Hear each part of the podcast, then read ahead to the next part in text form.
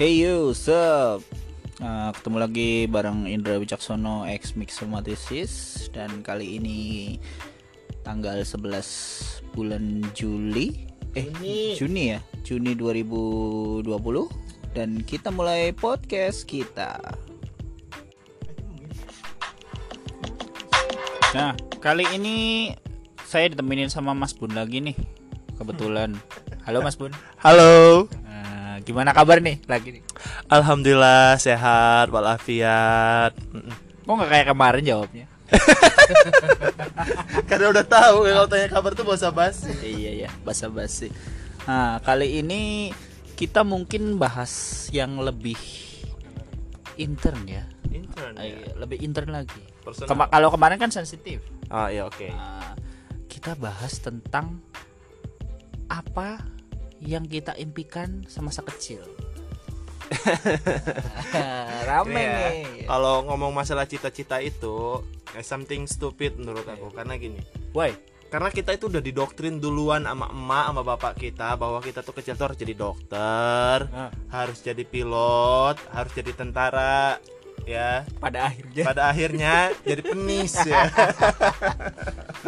Tapi itu PNS itu termasuk salah satu cita-cita favorit loh sekarang untuk ka, untuk kalangan sekarang di mata mertua-mertua. Dia nggak tahu Iya. aja. Nah, PNS itu pasti dapat SK nih. SK itu surat sakti ya, surat surat keputusan. Kalau aku kan menteri ya. Iya.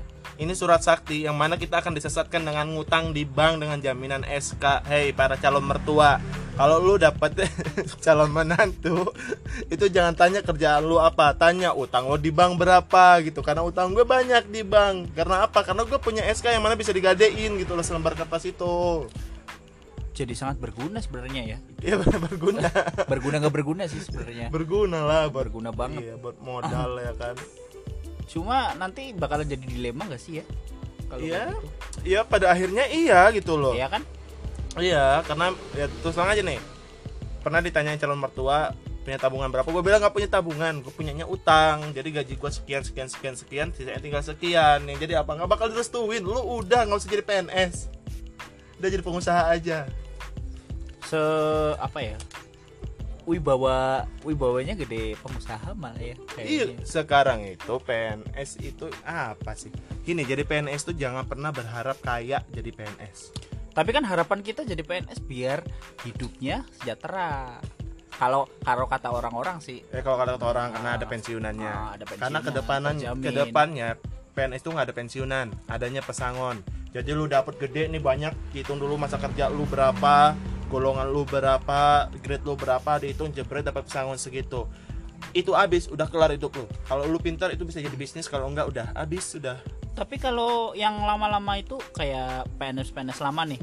Oh, Dia- kalau dulu dia masih Masih, pensiun, masih masih pensiun. pensiunan. Heeh. Maksudnya masih dapat uang pensiunan.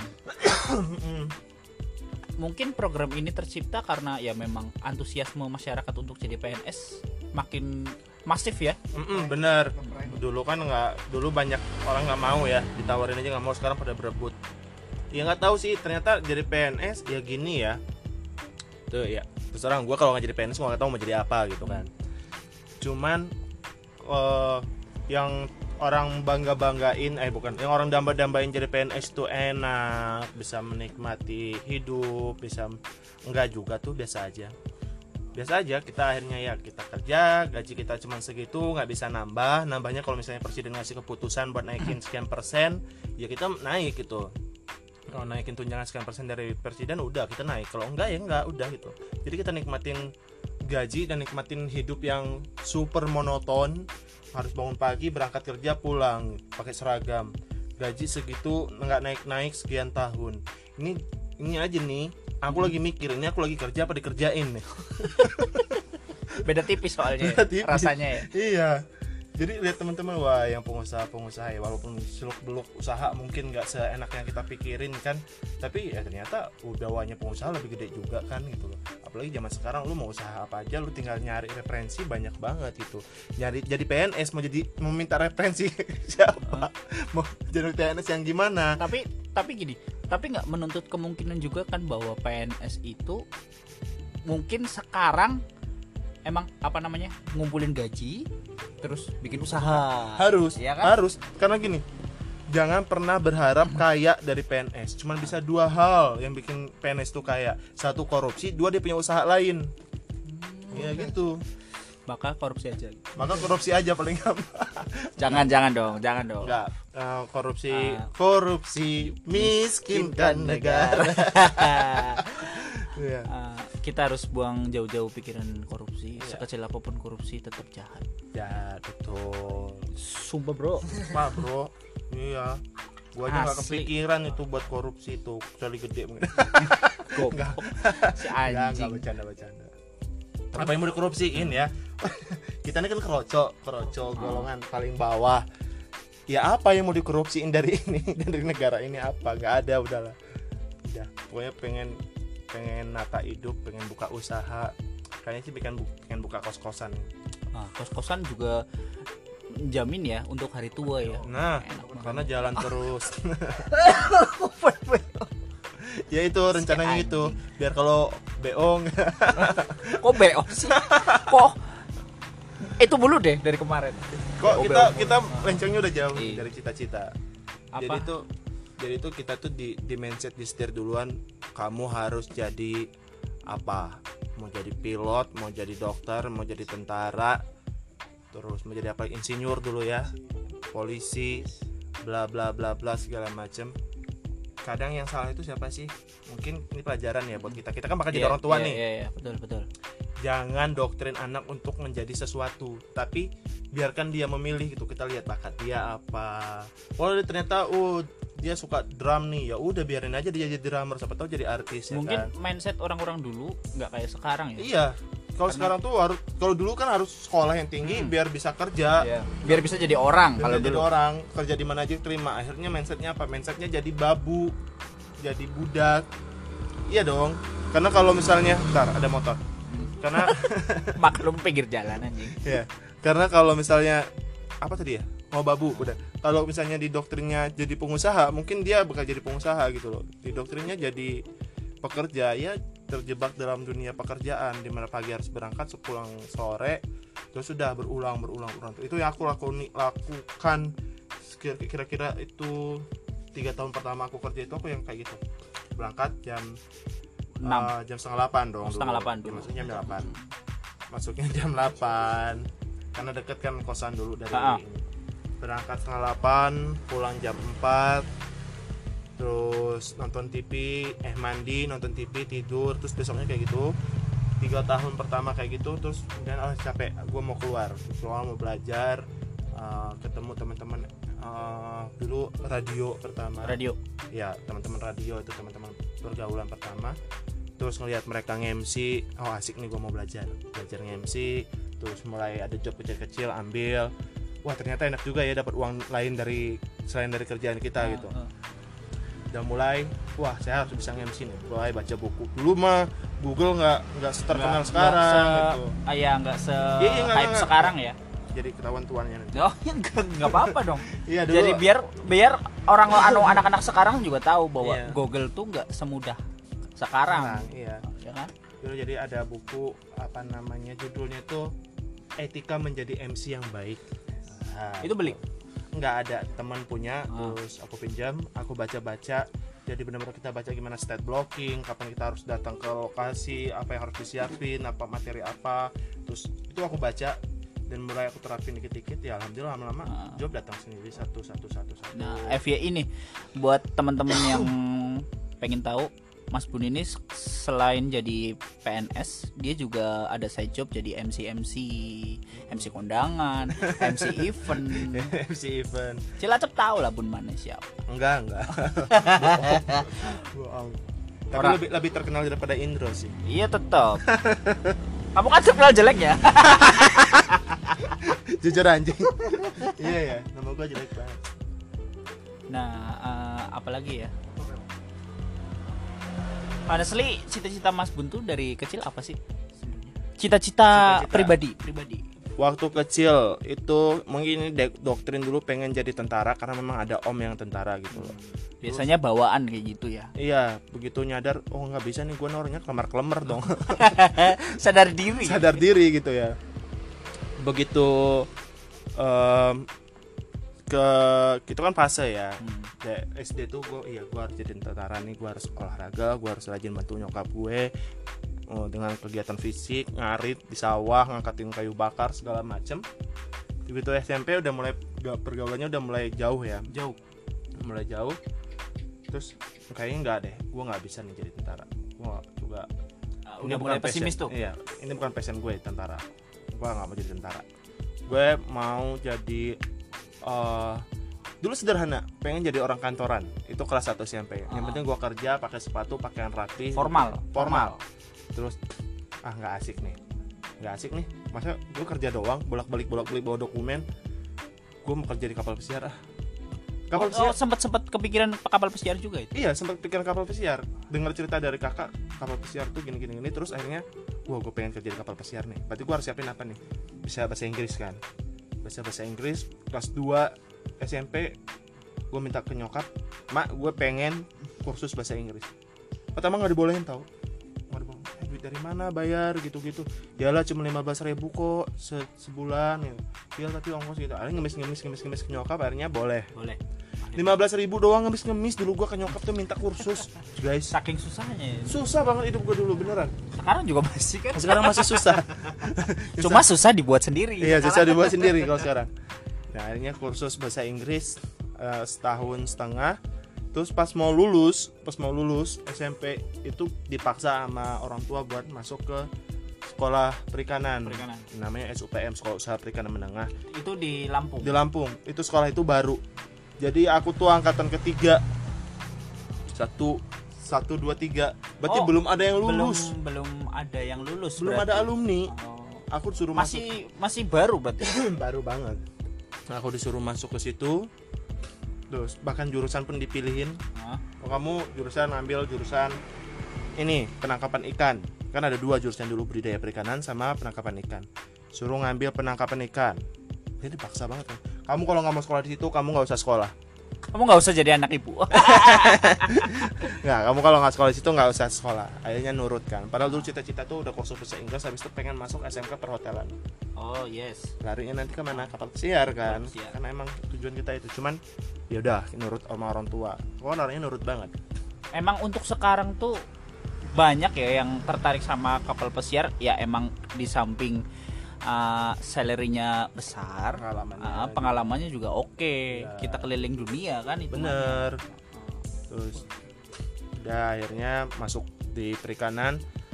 Em, wah dulu mah kasusnya IPDN itu belum dulu masih ST, STPDN STPDN belum keungkap kan? Dia keungkapnya itu 2007 aku masuk sekolah kayak gituan tuh 2005 masih dua jadi jadi emang kejadian yang di STPDN itu emang udah kayak makanan sehari-hari ya? It's real. Udah udah bener-bener real nyata ya? Nyata. Teman sekarang udah beda banget sekolah itu be. Kalau dulu kita masih yang kontak fisik boleh. Sekarang udah enggak sama sekali enggak jadi apa bedanya sama sekolah biasa? Hmm. tapi ya aku sendiri malah merasa beruntung aku dididik dengan cara yang kayak gitu gitu loh. Dengan cara yang keras. Di Cilacap juga ada sih sistem kayak gitu namanya kan LDDK kalau nggak salah LDDK itu kan nggak wajib asrama? AA nggak wajib asrama tapi dia wajib militer kan? Iya semi militer semi militer aku tuh wajib asrama tiga tahun. Selama tiga tahun tuh semi militer bayangkan anda. Mantap mantap mantap. Cuma aku ngerasainnya aku kan masuk 2005 2000, 2005 2006 aku masuk 2006 2007 itu aku tingkat 2 tingkat kelas 2 kelas 2 kelas 2 di tingkat 2 itu kasus IPDN kebuka. Jadi kita nggak bisa semena-mena lagi nih sama adik kelas. Oh yang ngelakuin itu senior. Senior Berarti. senior. Bukan nggak ada kayak guru pembimbing gitu? Nggak ada. Ka- kalau apa istilahnya ya kalau kuliah? Ospek ya? Oh iya ospek. Kalau tempat kita namanya basis. Basis. Basis tuh bimbingan dasar apa ya?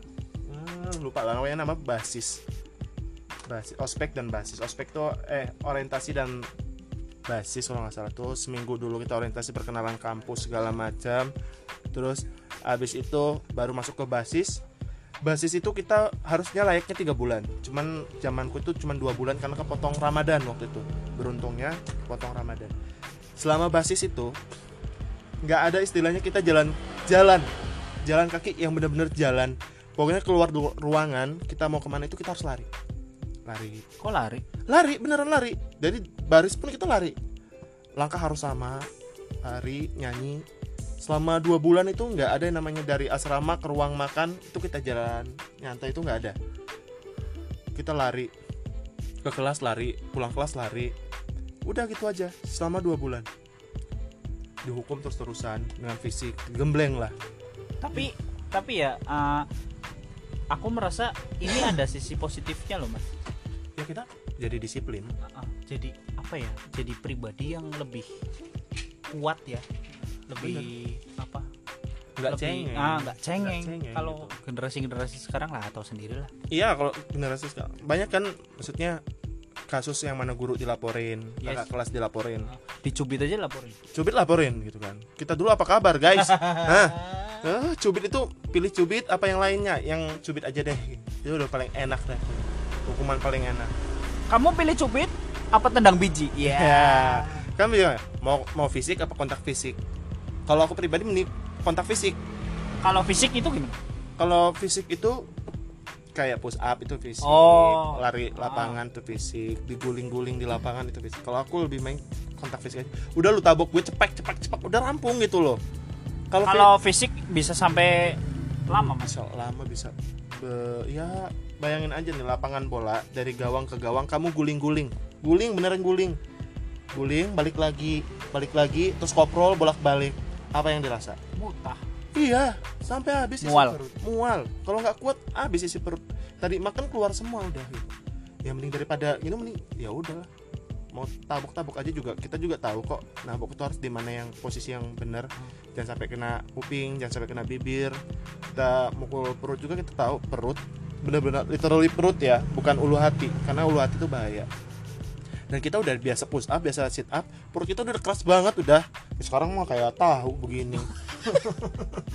Kalau dulu bener. Kayak koyoran. Iya. Kalau dulu perut kita tuh kecil, tapi keras banget gitu. Ih, gimana kita pagi-pagi udah push up, sit up setiap hari. Dipukul udah nggak berasa. Mau dipukul apa mau putar-putar lapangan guling-guling, pukul aja udah. Pipi udah udah kapalan gitu kan. Tapi bener-bener emang kalau orang-orang zaman dulu mah badannya jadi-jadi ya. iya, nih contohnya Kalau kamu jadi apa ini? nggak tahu bisa dia apa. Duh, percaya nggak dulu aku atlet atlet lari. Enggak. Kalian atlet lari Aku bangsat. karena karena di kampus itu kan wajib eh semi militer ya wajib semi militer dan wajib milih salah satu ekskul ada poli Volley, volley, volley. poli ya ada Poli anjing. coba coba lagi. Poli paru. iya ada poli ada basket. Ya udah nggak lah. Kalau poli aku waktu SMP ikut lah cuman nggak jago kan. Basket olahraga apaan tuh? Orang kampung mah nggak kenal ya. Terus uh, ada kalau karate itu wajib.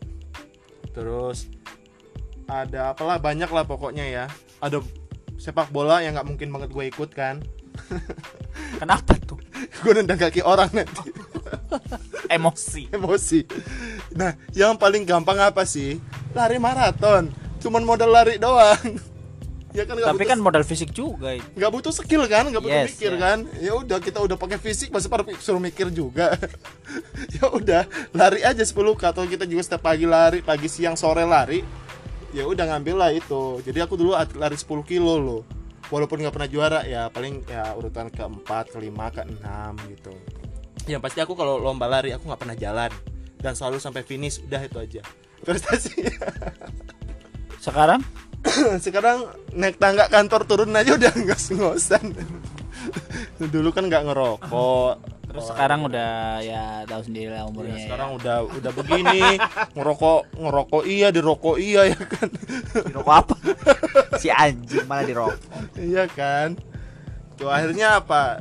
Nggak ada cita-cita masa lalu itu udah udah buyar semua gitu kan ya udahlah ikutin arus saja kayak mikir gini orang tua pasti punya tujuan tertentu nih untuk Karena kita mikir tujuan kita yang terbaik. Kita nggak tahu orang tua juga punya tujuan yang terbaik ternyata kan. kalau aku pribadi sih untuk sekarang ya dulu mungkin cita-cita macam-macam ya Hmm. kalau dulu kecil pas kecil pengen jadi masinis nih Mm-mm. karena salah satu satu-satunya kendaraan yang aku nggak aku naik tuh nggak mual Alright, alright. Nah. Karena orang kampung kan. Ya, naik mobil aja mutak masuk angin. Masuk angin ya.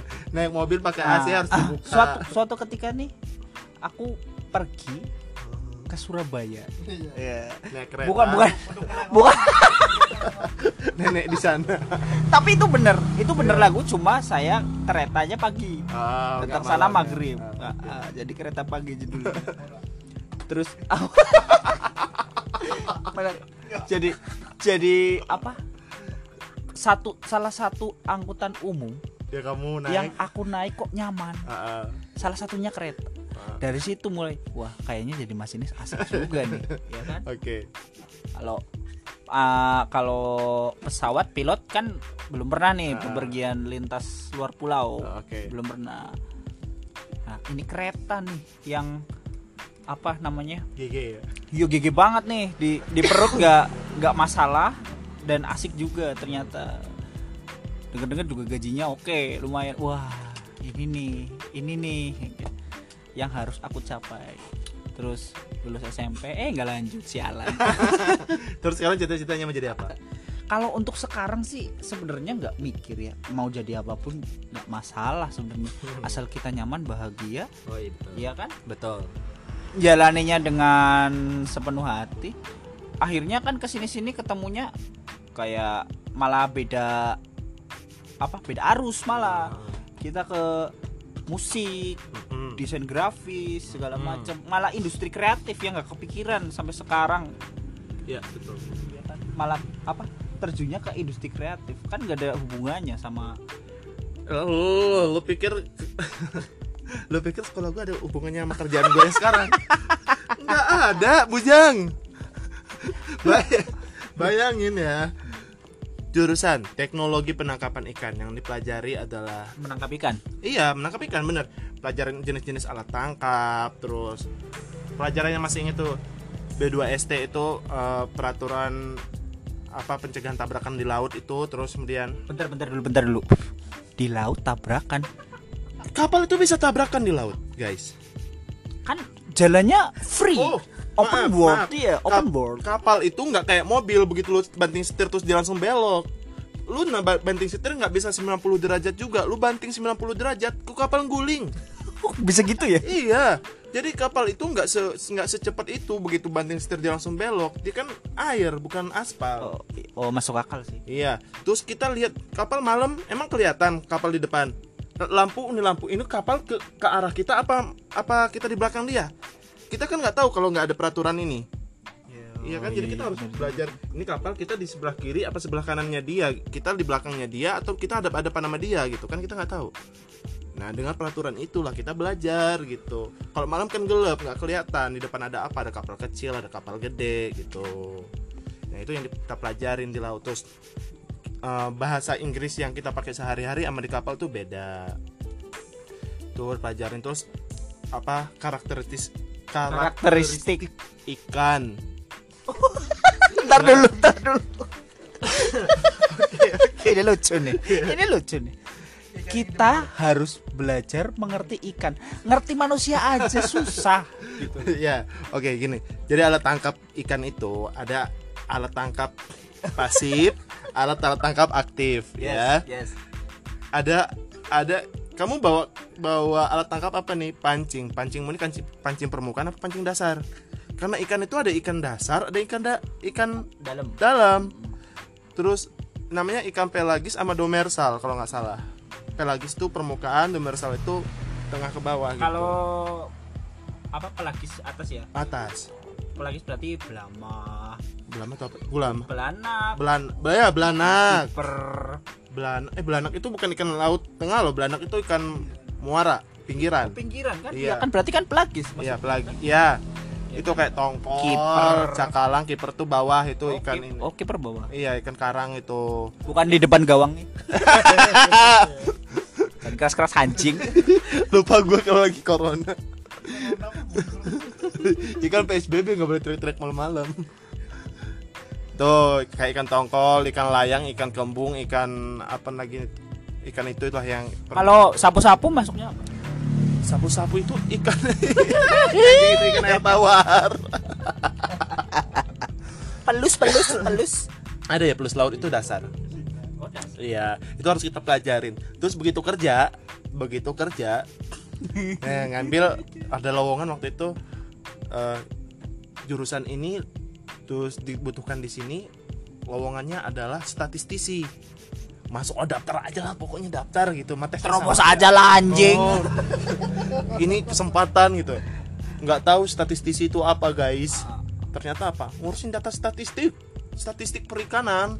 berarti apa yang kamu cita-citakan dulu kerja di kantor ya ini jawabannya Iya, tapi ba- kebayang nggak sih tiga tahun tiga pak tiga tahun dikamplengin belajar ikan belajar alat tangkap jurai jaring praktek di laut nangkep ikan gitu kan. Begitu masuk kantor ditanyain kamu bisa Microsoft Excel nggak?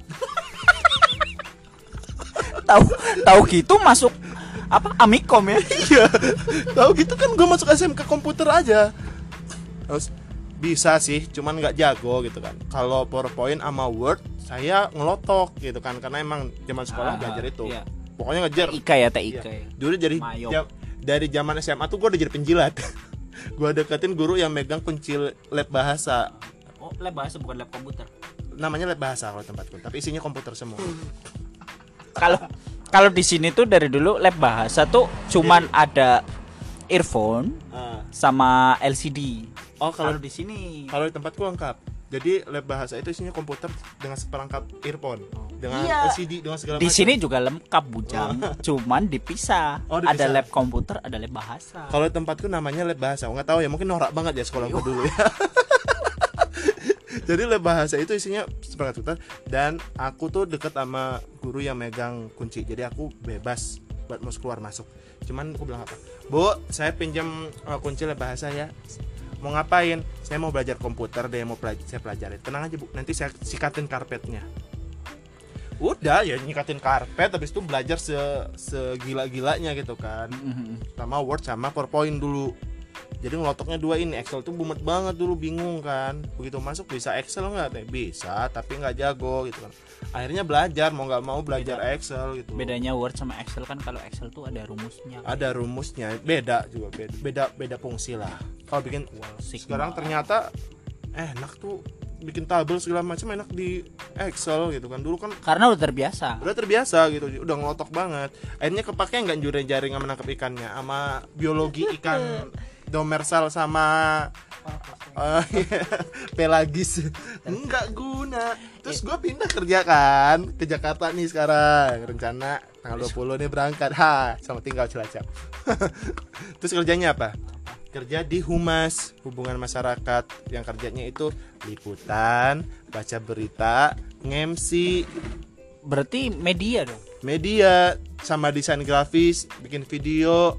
Nggak ada hubungannya sama sekolah tiga tahun dikamplengin itu iya juga ya. Ini yang namanya ekspektasi tidak muter sesuai dengan ah, realita. Iya. ekspektasi tersmackdown realita. Ya kayak gimana ya? Sekarang akhirnya mikir wah ternyata sekolah ya sekolah dulu mungkin cuma buat nyari ijazah aja. Akhirnya kan tetap kita harus menggali potensi kita apa yang kita bisa pelajari Nah, pasti kalau- berguna gitu. kalau aku pribadi sih untuk sekolah itu sebenarnya ajang cari teman malah.